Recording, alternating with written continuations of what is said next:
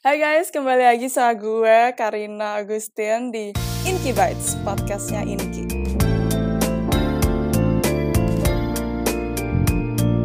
Hari ini kita mau wawancara Ica. Hai Ica. Hai semuanya. Yes, Ica tuh juga um, a fellow committee di Inky. Dan kita hari ini bakal bahas sustainable transport. Yes, sangat menarik. Soalnya Ica pro banget in this subject. Oke. Gak, gak lo jangan lebay-lebayin. Ca, lo mau kasih background dulu gak tentang karir lo atau gimana? Jadi gue Ica, gue dulu S1 di Manchester ngambil business economics, terus pas gue S2 gue agak masih on the route of like economics dikit ngambil city planning degree gitu di um, Cambridge. Abis itu gue masuk ke company yang fokusnya transport. Jadi sekarang gue senior transport consultant di mana projects gue biasanya bukan yang kayak build rails, bukan strategic hmm. projects ish, tapi more to like developments gitu. Hmm, oke. Okay.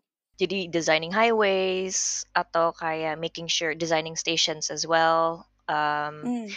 nah, designing stationsnya lebih kayak bantuin arsiteknya sih, making sure there's enough pedestrian capacities and blah blah blah. Um, right, yeah termasuk car parkingnya, loading base-nya, kayak gitulah pokoknya. Oke, okay. oke okay, kita mulai aja nih. Kita hari ini mau bahas sustainable transport. Dan gue sebelum podcast ini gue kayak baca-baca dikit sih tentang sustainable transport. Um, jadi semengertinya gue, kenapa transport tuh play a big role in carbon emissions. Yeah. Um, which is causing climate change. And then globally, 24% of emissions itu dari transportation. And itu the second largest source of carbon emissions. Where 3 per 4 dari transportation emissions itu dari road vehicles. Jadi kayak mobil, motor, gitu-gitu bukan? Iya, termasuk kayak delivery vans juga sesuatu yang suka hmm. dilupain sama orang-orang. Jadi mungkin kita mulai dari discussing apa itu sebenarnya sustainable transport. Oke, sustainable transport itu wide banget sebenarnya. Ini hmm. definisi gue ya, tapi kayak okay. sustainable transport is more to how do you actually use transport supaya itu salah satunya yang ngurangin carbon emissions but then at the same time hmm. how can we actually efficiently use transport supaya lo nggak cause congestion as well because in terms of like time savings juga can go into the equation of sustainable transport jadi kayak hmm. misalnya the usage of cycling and um, walking as well improving those itu kan termasuk the sustainable modes of transport kan um, hmm. terus sustainable modes of transport juga include um, buses, any public transport, basically rail as well. Tapi kayak, I mean, okay. some people will be like, but rail is rail does produce emission as well. Ya. Tapi maksudnya kayak dibanding lo gunain banyak mobil, mending lo pakai public transport yang di mana kayak it causes less congestion. Okay. That's my opinion. Jadi Okay, so do you think kayak the focus on sustainable transport itu untuk mengurangi people with cars atau sebenarnya lebih banyak dari itu? Should we focus on people switching from cars to rail and car uh, cars to, um, to public transport gitu lah? Uh, jadi menurut gue emang as a concept, one of the key concept is making sure that you shift people from using cars to other mode of transport yang lebih healthier atau sesuatu yang lebih hmm. efisien kayak tadi public transport. Iya. Yeah. Um, Oke okay, oke. Okay. Yeah. Tapi kayak kita harus remember kayak sekarang kan lagi hot banget nih ngomongin electric vehicles lah, um, yeah. autonomous vehicles is coming as well. Kita terus Tesla. Yeah, exactly. Which is like an exciting topic for everyone. In which it is kayak emang, I mean, it does contribute to like promoting sustainable mode of transport because at the end of the day it's it uses electrics and stuff. Tapi kalau lo lihat hmm. on sisi lainnya kalau misalnya government nggak nggak kuat policy makingnya, kita bisa malah encourage people to use cars. Di mana nanti kayak misalnya hmm. di kota-kota kayak Indonesia, misalnya lo udah pakai Tesla, walaupun misalnya itu electric charging, elect uses electric um, fuel, yeah malah masih tetap nge-cause the same issue of congestion. Jadi kayak there's more to that karena kayak as a government from the governance point of view as well lo harus make sure kayak the use of these vehicles yang sustainable tapi kayak mobil gitu bisa dilimit lah Mhm. Intinya supaya nggak buat Oke. the same issue Oke. Kalau menurut lu, the solutions to sustainable transport, jadi apa yang paling pressing, the most obvious solutions lah to sustainable transport right now? it's a bit difficult as well. Kita kayak ngomongin konteks Indo atau konteks Inggris karena kalau misalnya ngomongin konteks Inggris ya, kan pengalaman gue banyak kan Hmm, di Inggris oke. nih. Kalau di Iya. Inggris tuh di London sendiri public transportnya networknya very very large and diverse. Banyak banget kan um, stations di Hmm. mana-mana kayak emang udah public transport facilitiesnya banyak banget lah dan kalau misalnya lo keluar dari satu stasiun nih lo bisa lanjut naik bus Hmm. lo bisa um, walk somewhere else yang distance-nya deket jadi emang city-nya udah dibuild for sustainable um, transport networks tapi emang beberapa area Oke. Um, belum tercover ada area yang sustainable transportnya belum sebagus itu belum terlalu integrated Oke, lah istilahnya Um, nah, kalau di konteksnya London yang sekarang mereka lagi encourage more adalah the usage of cycle um, cycling di mana um, cycling emang udah meningkat banget kan di London pre-COVID. Sekarang tapi Mm. lebih meningkat lagi karena kalau misalnya naik public transport orang kan concerned. Nah, tapi kenapa mereka juga nge-encourage cycling? Karena masih banyak orang di London sendiri yang prefer to travel using cars. Um, walaupun kalau soalnya kalau misalnya lo tinggal di zones yang di luar London yang kayak zone 3 ke atas biasanya kan kayak limit public transportnya lebih limited kan nah mereka lebih mau encourage Iya. kayak orang-orang yang di daerah situ untuk use cycling dan itu pun juga count for orang-orang di zone 1 yang di mana kalau misalnya business trips misalnya lo mau meeting dari satu tempat ke tempat lain dibanding naik taksi what they're trying to promote is like using cycling as well. Makanya sekarang banyak banget policy di London yang kayak Hmm. lo harus buat um, cycle parking spaces dan semacamnya. Gue baru mau nanya kayak, uh, the government is trying to encourage the use of cycling even in outer zones. Soalnya gue merasa juga sih kayak teman-teman gue yang zone-nya di zone 5 apa itu mostly punya mobil kayak mereka udah save sendiri buat punya mobil kayak Nah, tapi rata-rata lah. jadi kayak soalnya kalau zone 5 kan susahnya gini kalau di London kan misalnya untuk yang nggak tinggal di London um, Hmm, ya di. London itu kan zonesnya dari zone 1 sampai zone 6. Nah, zone 6 itu pokoknya udah nggak central London lagi gitu kan. Jadi kalau lo ke zone 1 itu Hmm. central. Nah, distance-nya itu dari zone 6 ke zone 1 itu jauh banget.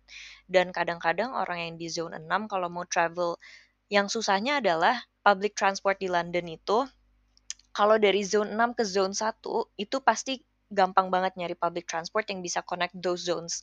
Tapi misalnya lo mau dari zone 6 ke zone 5. Misalnya lo di zone 6 west nih. Lo mau ke zone 5 di Hmm. North London. Itu nggak ada direct Hmm. transport. Biasanya lo harus ke zone 1 dulu baru ke zone. Oh, Nah, I itu yang see. ngebuat orang-orang lebih kayak oke, mending gue naik mobil. Nah, Iya, makanya benar-benar. yang kayak gituan tuh mereka mau coba sambung pakai cycle lanes lah, encourage cycle lanes atau Oh. disambungnya biasanya pakai bus.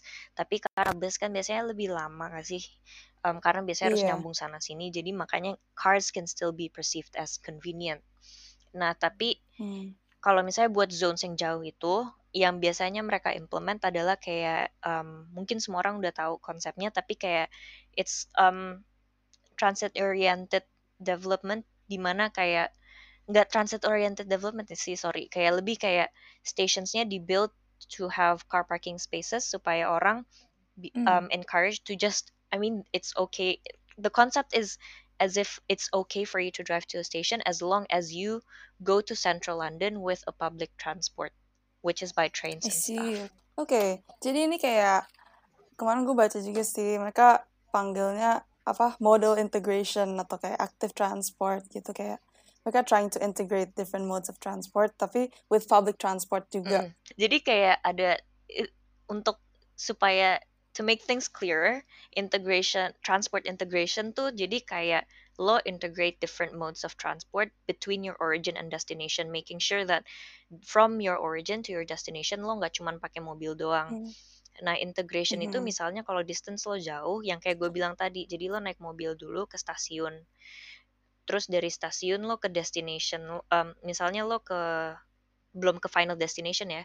Misalnya destination lo X Hmm. nih. Di X ada stasiun namanya Y. Yang paling deket 5 minute walking destination dari Y to X. Iya. Jadi lo dari train station itu ke station Y, terus nanti lo jalan kaki. Nah itu tuh transport integration, jadi lo mix dari mobil, train, cycling and Hmm. walking at the end.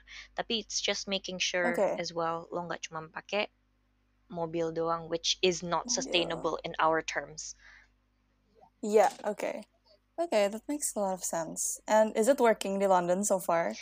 Okay, are the policies working? Uh, policies-nya di London ada banyak banget pokoknya yang untuk nge-encourage sustainable mode of transport. Karena misalnya Okay. dari building design-nya sendiri nih, kalau lo mau ngebuat building, lo harus nge-encourage building providers to provide a minimum number of cycle parking spaces. Sama lo harus nge-provide shower lockers as well for the cycle infrastructure. Jadi itu salah satunya. Hmm. Terus um, yang kedua adalah lo ngelimit number of car parking spaces kalau lo mau ngebuat bangunan juga.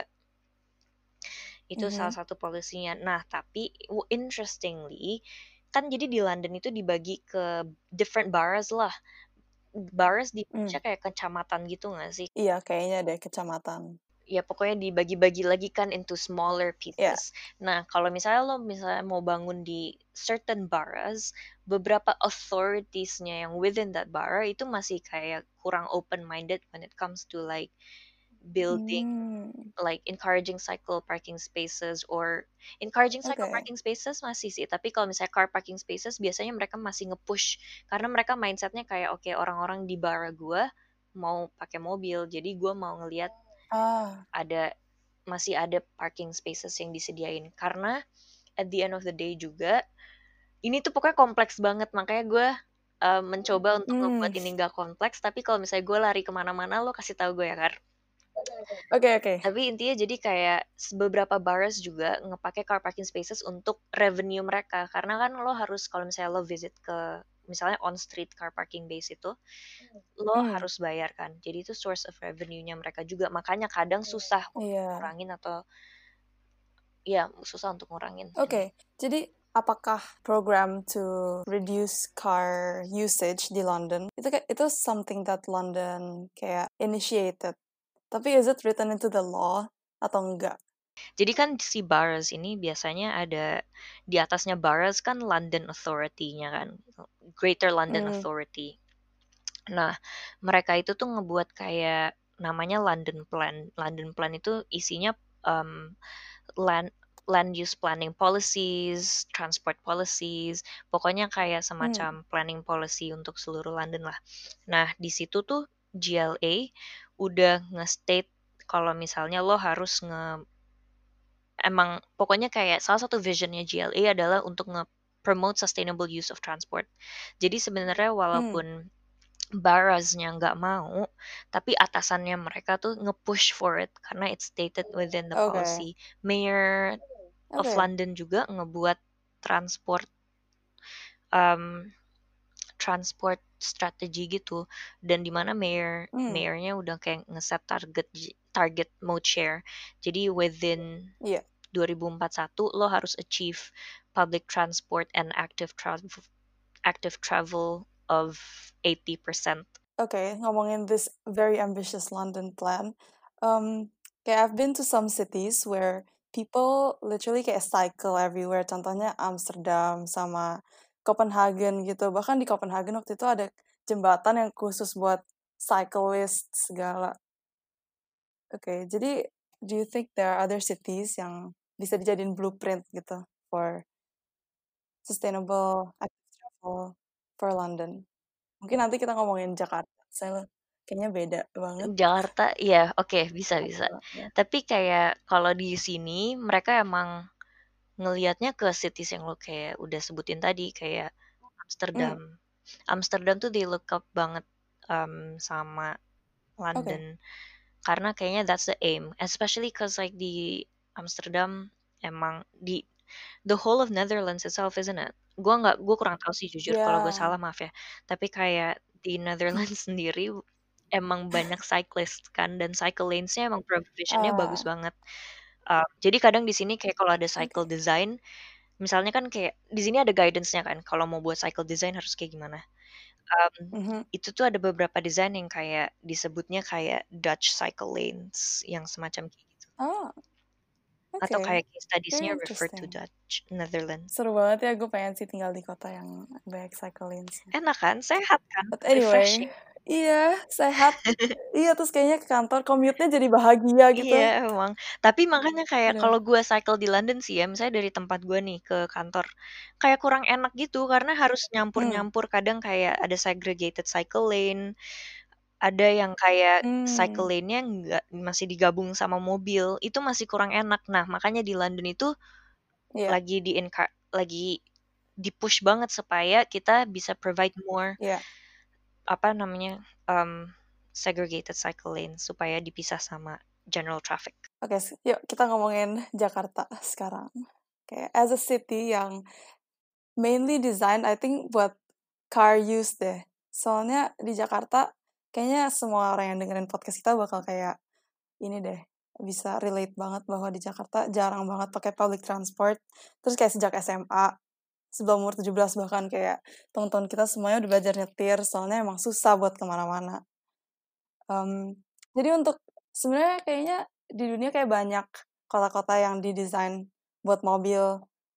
Maybe in developing countries or maybe in the US. Kayak the US is also very car heavy I think. Kayak my friends yang tinggal di LA kayak semuanya pasti punya mobil. So, obviously ini kota kan udah gede dan udah udah kayak dibangun gitu lah. Mhm. Jadi how do you propose that these cities bisa apa ya, integrate sustainable transport into their lifestyle? Oke, ini kompleks sih pertanyaannya.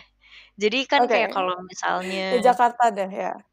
Jakarta kan, kan kita harus ngelihat city-nya sendiri, um, travel patterns-nya sekarang gimana dan distribution of land use-nya tuh gimana. Kayak sebenarnya soalnya kayak yang susah juga di Jakarta kayak most offices CBD gitu Hmm. located-nya di SCBD kan ya.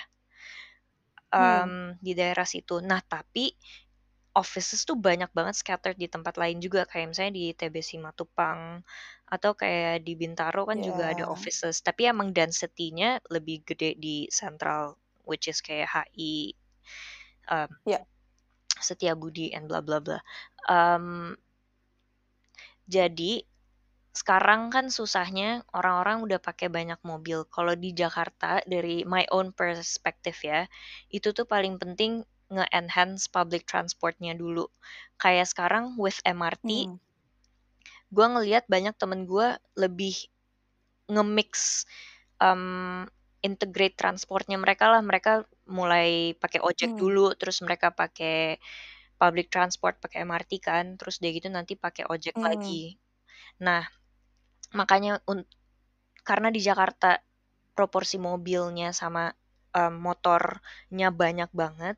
Kalau kita mau Hmm. shift langsung ke active travel kayak cycling, itu menurut gue masih Hmm. agak bahaya. Apalagi karena proporsi motor kita tuh banyak banget. Takutnya kalau misalnya kita provide cycle lane, yang susah adalah untuk Hmm. nge-enforce motor untuk nggak pakai cycle lane itu. Jadi Hmm. malah Iya bahaya benar kan. sih. Jadi kalau menurut gue yang paling convenient for Indo tapi emang mahal adalah untuk expand si um, public transport ini dulu. Karena kalau Hmm. misalnya lo udah provide more public transport, lo bisa nge-push orang untuk pakai public transport lebih banyak kan. Jadi ngurangin jumlah Iya. mobilnya sedikit-sedikit. Nah, pas misalnya the usage of the carriageway udah mengurang sedikit, itu di mana lo bisa Mhm. lebih gampang untuk um, provide more space for cycling within the carriageway. Karena kalau misalnya kita Hmm. provide dari sekarang juga yang susah adalah tapi ini sebenarnya kalau misalnya gue ngomong kayak gini, ini berarti gue kurang ambisius. Tapi gue cuman mikir in a Oke. realistic perspective ya. Mungkin orang-orang akan disagree sama Iya gue. iya. Karena kalau misalnya kita provide dari sekarang nih, kan berarti lo mengurangi carriageway space-nya kan, di mana malah Oke, carriageway space tuh Oh, apa? carriage Jalur carriage sorry sorry. high high apa? Carriageway space tuh kayak jalanan untuk mobil. Oke ya. Jadi ini exclude footway, foot, exclude um, untuk pejalan kaki. Ya, trotoar. Iya, exclude trotoar. Jadi kayak Ya. ini cuman untuk mobil. Nah, kalau misalnya lo kurangin um, lanes-nya nih, kan biasanya di Jakarta misalnya Hmm. ada tiga lane buat di satu jalur gitu kan. Misalnya lo Mm-mm. jadiin dua doang, itu kayak malah bisa Hmm. potentially malah makin macet dan ngebuat daerah lain kayak perumahan juga makin macet karena orang ngambil jalan tikus Hmm. kan. Itu Iya. dangernya kalau misalnya kita provide dari sekarang. Tapi to be fair, kalau misalnya kita bisa provide that segregated cycle lane, there might be a potential where orang-orang malah cycle-nya lebih banyak kan. Jadi mungkin kita emang bakal Hmm. ngurangin jumlah mobil dan encourage orang untuk Iya. cycle. Jadi ya bisa aja sih. Ser- sebenarnya tergantung lebih banyak lo ambisiusnya gimana. Tapi again, lo harus mikirin lagi motor. Gimana caranya lo nggak encourage motor untuk pakai lane itu. Iya. Ya banyak sih Hmm. sebenarnya um, mitigation measures-nya. Kayak lo bisa pakein Oke. kamera juga kan. Supaya kalau misalnya lo Oh ya, that's true. kalau misalnya motor pakai lane itu di fine. Oke, ya itu ambitious sih kalau mau tutup satu lane. Soalnya kayak busway aja dulu kayak Jadi banyak yang pakai Transjakarta kan. nutup satu lane. Iya, baik yang pakai terus kayak ada yang bilang tambah macet atau tambah apa gitu. Iya makanya um, makanya ini kayak kalau menurut gue ya di Indo tuh sekarang karena kita kemacetannya udah tinggi banget itu tuh a matter Hmm. of harus udah bangunnya sideways gitu loh jadi kayak lo ngebangun um, more public transport at the same time lo bangun cycle lane juga jadi kayak udah harus side by side nggak bisa kayak lo nunggu satu terus nanti satunya baru nunggu kalau nggak kita lama endingnya pakai cycle-nya masih I kayak in see, 20 ya. years gitu Oke. What about kayak di Jakarta kan, ya bener sih kantornya banyak di SCBD, tapi kan sekarang banyak orang yang commute dari Jabodetabek buat ngantor di Sentral Jakarta. Mm-mm. Um, kalau kayak gitu gimana? Soalnya, do you think we need to just invest in the MRT system, LRT, rail to connect kayak these outer zones ke Central Jakarta? Okay, is that something we can learn from London, for example? Iya sih, menurut gue, menurut gue providing rail or public transport services untuk connect outer zones is um, is very important. Soalnya ya balik lagi, kalau enggak orang nyetir kan. Gue penasaran banget ini juga. Um, waktu itu sempat uh, hype banget di London pas Uber mau di ban. Mm-mm. Terus, tapi sebenarnya Uber itu kan juga pakai mobil. Dan Uber juga sekarang lagi, apa ya, it's one of those unicorns yang valued at very highly. Um, dan di Jakarta juga ada Gojek, Grab gitu-gitu. Do you think this is a, do you think ride-sharing apps should be allowed in cities? Is it a part of sustainable transport and how does it relate to the whole kayak um, apa ya, vision of sustainable transport planning? Jadi kalau ride sharing itu lo kalau from from a customer's perspective, of course they'll be like, oh Mhm. this is very convenient and like it's worth the Yeah. price. Especially kalau di Indo kan kayak Gojek gitu, Gojek, Grab, naik taksi, naik ojek itu murah banget kan. Iya. Tapi kalau di sini emang lebih mahal. Tapi masalahnya lo juga harus ngeliat dari perspektif of the business model itself. Misalnya kayak lo Uber naik taksi nih, kan drivernya sebelum Hmm. ada sebelum pick up orang, mereka harus stop somewhere. Itu juga udah itu Hmm. sendiri source of emission kalau mereka nyalain mobilnya.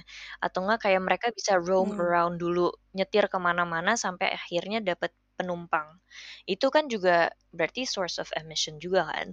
Jadi Hmm. in that sense bagian situnya tuh kurang sustainable especially juga sustainable-nya bukan cuman um, unsustainable-nya bukan cuman karena emission doang juga karena mereka make use of space yang harusnya bisa dipakai untuk yang lain karena mereka parkir. Hmm. Yeah. Nah, um, Itu salah satu issues-nya.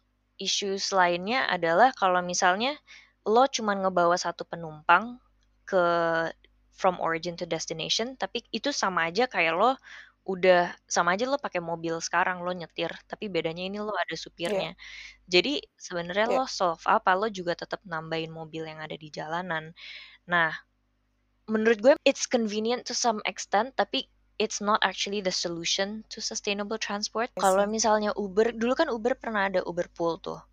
Nah, those kind of Iya. things, it is much more sustainable karena lo fro karena lo ada more people within a car. Itu kan konsepnya car sharing. Car sharing a bit Iya. like public trans. I wouldn't say a A bit bit. like public transport, tapi kayak it's a bit. At least you're sharing it. You're Iya. you're still taking one. Misalnya lo ada tiga orang di dalam taksi itu, berarti lo instead Hmm. of using three taxis, lo malah pakai satu taxi. Still a good thing. Iya. Kayak lebih baik lah. ya. Iya. Nah, kalau misalnya kayak gitu, itu lebih sustainable dan menurut gua lebih oke lah. Nah, ini yang menarik nih di London, Uber itu udah mulai diverse. Jadi mereka nggak cuma taksi. Mereka sekarang Hmm. um, ngeluarin Lime. Lo pernah pakai Lime nggak? Lime Iya, bikes. Lime bike. Yes. Pernah pernah. Jadi Lime buat yang nggak tahu, Lime bikes tuh kayak di London sepeda yang di mana um, it's un undock dockless cycle bikes. Jadi Iya, dockless. jadi kayak lo bisa ngambil bike-nya dari mana aja, terus lo stop di mana aja. Well, ada zones yang lo nggak boleh stop and park the cycles. Hmm. Tapi mostly you can do it anywhere. Um, dan itu electric bike juga. Um, Hmm. Jadi mereka udah punya Lime. Terus selain Lime, mereka juga sekarang kerja sama TfL to provide the river. Pokoknya ada kapal di London yang connect areas within Thames. Nah, sekarang tuh Hmm. udah work with TfL to take over. Jadi mereka nge-provide public transport juga lah. Itu menarik sih. Soalnya pas gue baca the news yang Uber beli that aduh Kayaknya partnership deh. that boat partnership ya. Oke oke. Tapi katanya bisa jadi bisa apa? Book dari app-nya. Tapi bisa juga bayar pakai Oyster Card Iya. Jadi kayaknya tukeran um, kalau kita kalau menurut teman-teman kantor gue kita bahas tuh kayak there's a kayaknya ya down the line Uber tuh bisa monopoli public transport di Inggris kalau gini caranya maksudnya jadi nanti lo naik taksi Hmm. misalnya lo mau dari tempat A ke Z nah di dari A ke Z Hmm. tuh lo bisa awalnya pakai Uber dulu terus nanti lo pakai kapalnya terus nanti mungkin lo bisa kalau misalnya lo bisa bayar bus pakai Uber app juga berarti nanti dari mobil lo naik kapal naik bus Hmm. semuanya pakai Uber app jadi ada potential mereka bisa monopoli Interesting. Oke, kalau misalnya ada ideal city yang featuring sustainable transport, like how would you design that city? ini tough question ya. Ini from a transport consultant point of Hmm. view kan. Sekarang tuh lagi hot banget setelah COVID um, designing 15 minute cities, 30 minute cities yang di mana lo jadi within 30 minutes of walking distance lo bisa ke mana aja. Jadi misalnya dari rumah ke kantor tuh 30 menit, dari rumah ke supermarket lo cuma 30 menit, rumah ke restoran 30 menit semuanya within walking distance. That's the kind of cities that I want to build. Tapi. I think more rather than 30 minutes, mungkin 20 minutes. Because menurut riset, orang cuman mau walk up until 20 minutes. 20 minute cities, orang dari one destination bisa nyampe any destination in that city.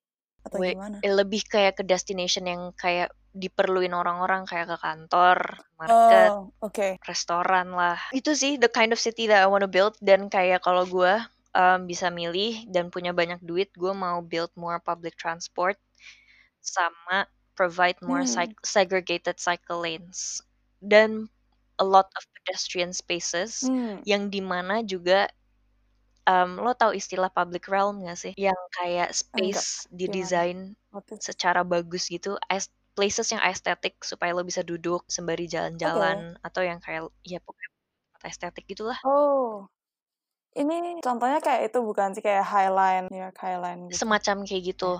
Jadi buat banyak tempat-tempat yang bagus buat pejalan kaki dan tempat yang di mana kalau Hmm. pejalan kaki mau stop dan duduk-duduk itu juga tetap enak. Anyway, ya, so udah segitu aja guys kita waktunya 30 menit. Soalnya podcastnya Harusnya bite size. Tapi kalau misalnya ada yang punya Iya. questions ya leave it on Inky aja nanti gue Hmm. coba jawabin. Yes, of course. Bisa bahas kayak more topics on transport if you guys are interested. Yeah, so jadi a bit of a conclusion. Ngomongin the importance of public transport and the importance of policies to invite people to use less cars and switch to public transport and the need to integrate kayak design that supports cyclists, cycle lanes, sama cycle sih shower shower rooms and offices stuff like that yang bisa invite orang-orang buat divest from cars and motorcycles lain. I think it's really interesting. It's very exciting. Iya, dan gue berharap sih kayak Jakarta juga bisa reduce their con- congestion level soon. Hmm, yeah. Semoga podcastnya membantu ya guys. Yes, thanks for tuning in, guys. Um, check us out for other other episodes and follow us on Instagram at inky.association. Sign up a member. It's in our it's in our bio on Instagram. Thanks, guys. See you Bye. soon.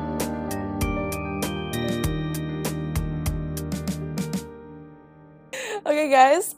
Hope you enjoyed our discussion about sustainable transport and all the insightful things yang Ica udah explore, such as cycle lanes, um, the need for public transport, and also ride-sharing apps. Kita sekarang mau tanya-tanya Ica sedikit tentang her career as a transport consultant. Kenapa lu pilih bidang ini, Ica? Kenapa? Ini transport consultant tuh nggak banyak, weh. Gue jarang ketemu transport consultant dan menurut gue agak niche. Jujur ya, gue juga baru tahu kayak transport consultant is a thing from my brother. Karena dia yang awalnya ngambil transport degree kan. Nah, terus Oke. kalau gue pikir-pikir, actually it is a good industry to work in karena balik lagi kayak gue grow up di Jakarta, gue experience nih kayak lo kan sama gue beda berapa tahun sih kar? Kayak dua atau tiga tahun gitu kan. Nah gue nggak tahu nih lo ngerasain atau enggak tapi dulu pas gue growing up gue inget banget pas kecil tuh macetnya nggak separah sekarang. Sekarang tuh parah banget kan. Uh, Hmm. malah makin parah makin lama kalau lo mau ke mana-mana. Nah jadi menurut Iya. gue emang it's a good industry to be in dan it's a good place to start supaya jadi gue mulai dari London yang di mana public transportnya kalau dibandingin sama Indo ya lebih bagus lah maaf banget nih ya just Hmm. talking based on facts um, Facts. um, maka dari itu menurut gue it's a good industry to work in supaya mungkin gue bisa the main goal is for me to go back to Indo supaya gue bisa ngebantu transport sistemnya di Hmm. Indo sometime down my life Yes. gitu Soalnya ya sih gue merasa banget gue pernah magang um, di Indo in my first year. Terus setiap pagi nyetir ke kantor dari Alsut itu sakit Iya banget. udah kan Gue aduh males kan males banget. kayak masalahnya tuh tapi ya kalau gue ngomong sama beberapa teman-teman gue mindsetnya tuh orang-orang tuh suka kayak Hmm. ah public transport kayak banyak orang kayak ah enggak ah enggak ah gitu kan kalau di Indo tuh mindsetnya masih kayak gitu kan Hmm. kebanyakan nggak semuanya tapi menurut Hmm. gue sebenarnya Iya. it's much more time savings gitu dibanding lo macet-macet di jalan mending lo naik MRT kalau lebih banyak Iya. MRT lebih convenient setuju malah sih. di Indo MRT-nya lebih bagus gitu kayak udah ber AC masih baru Iya bener. What is the your role in the company and do you like it? I really job. really like my job I think uh, gue company gue kayak orangnya cuman 50 gitu sekarang terus sekarang gue senior consultant Hmm. jadi kayak I think they give a lot of opportunities gitu loh karena company kita kecil jadi lo Hmm. lo beneran di digas dari awal lo masuk dari gue mulai dari graduate tiba-tiba Hmm. gue kayak pas gue consultant aja kan jadi gue assistant consultant consultant senior consultant sekarang kan pas gue consultant pun mereka Hmm. udah mulai kayak oke lo project manage this small project ya jadi kayak emang udah dilatih gitu loh. That is why gue enjoy working in my company juga karena gue udah dikasih that responsibility since gue mulai um, dan banyak banget yang lo bisa pelajarin within one week karena kayak lo bisa juggle between two, three, five projects within Hmm. a week as well. Yang di mana expertise-nya beda-beda. Exciting Exciting. banget. Walaupun emang project management tuh susah Hmm. banget menurut gue, susah banget. Gue kira gampang. Gila, stres banget pas belajar project management, lebih stres dibanding gue belajar hal-hal di sekolah, tau nggak? Susah. Itulah, namanya Aduh. juga career development, ya nggak? Yes. Oke, jadi lu personally would suggest going into smaller companies Gue or nggak no punya gitu? experience in a big company, jadi gue nggak tahu. Tapi kalau gue ngomong ke bokap Fair. gue, kan soalnya kayak gue dulu pernah kayak mikir apa gue ke company yang lebih gede atau gimana gitu ya. Terus bokap gue Hmm. cuman bilang kayak kalau misalnya kamu di company kecil, kamu lebih punya opportunities to grow dan kamu lebih deket sama bos kamu. Jadi kamu ngerasanya lebih Hmm. um, apa namanya lebih deket, lebih family oriented gitulah. Tapi kalau kamu Hmm, di yeah. company yang gede, kamu emang langsung ngomong sama atasan juga. Tapi atasan ini bukan yang langsung atasan yang actually manage the company. Jadi kamu feel more That's distant true. dan potentially mereka karena banyak orangnya, mereka nggak bisa fokus ke kamu doang. Mereka nggak bisa take, they will take a good care of you, but the way they take care of you is a different way. Um, jadi kamu pikirin bagian Yeah. situnya aja. Jadi karena gue anaknya sangat needy, enggak sih, enggak gitu juga. Tapi gue Aduh, mungkin kocak banget sih. attention seeker dikit aja, dikit. Enggak sih, enggak juga.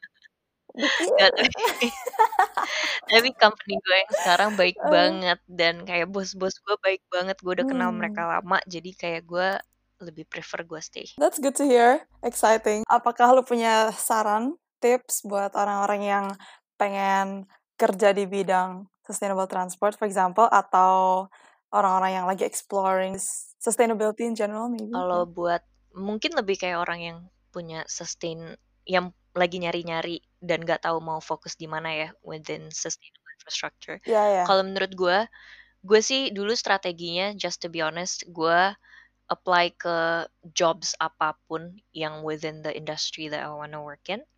Just because karena en, Hmm. emang at that time gue masih unsure gue mau ke mana. Um, Iya. Dan nanti kalau mending kalau lo baru mulai, apalagi just explore whatever it is that you can. Cause I mean, Yeah, lo true. masih muda gitu, explore aja. Kalau lo nggak suka, Yeah. ya tinggal cari lagi. Nggak segampang itu emang nyarinya, tapi kayak at least lo bisa explore kan, dibanding lo explore yang pas lo udah nanti, Betul, betul. susah. Itu inspiring sih, Ca. Okay guys, thanks for listening in to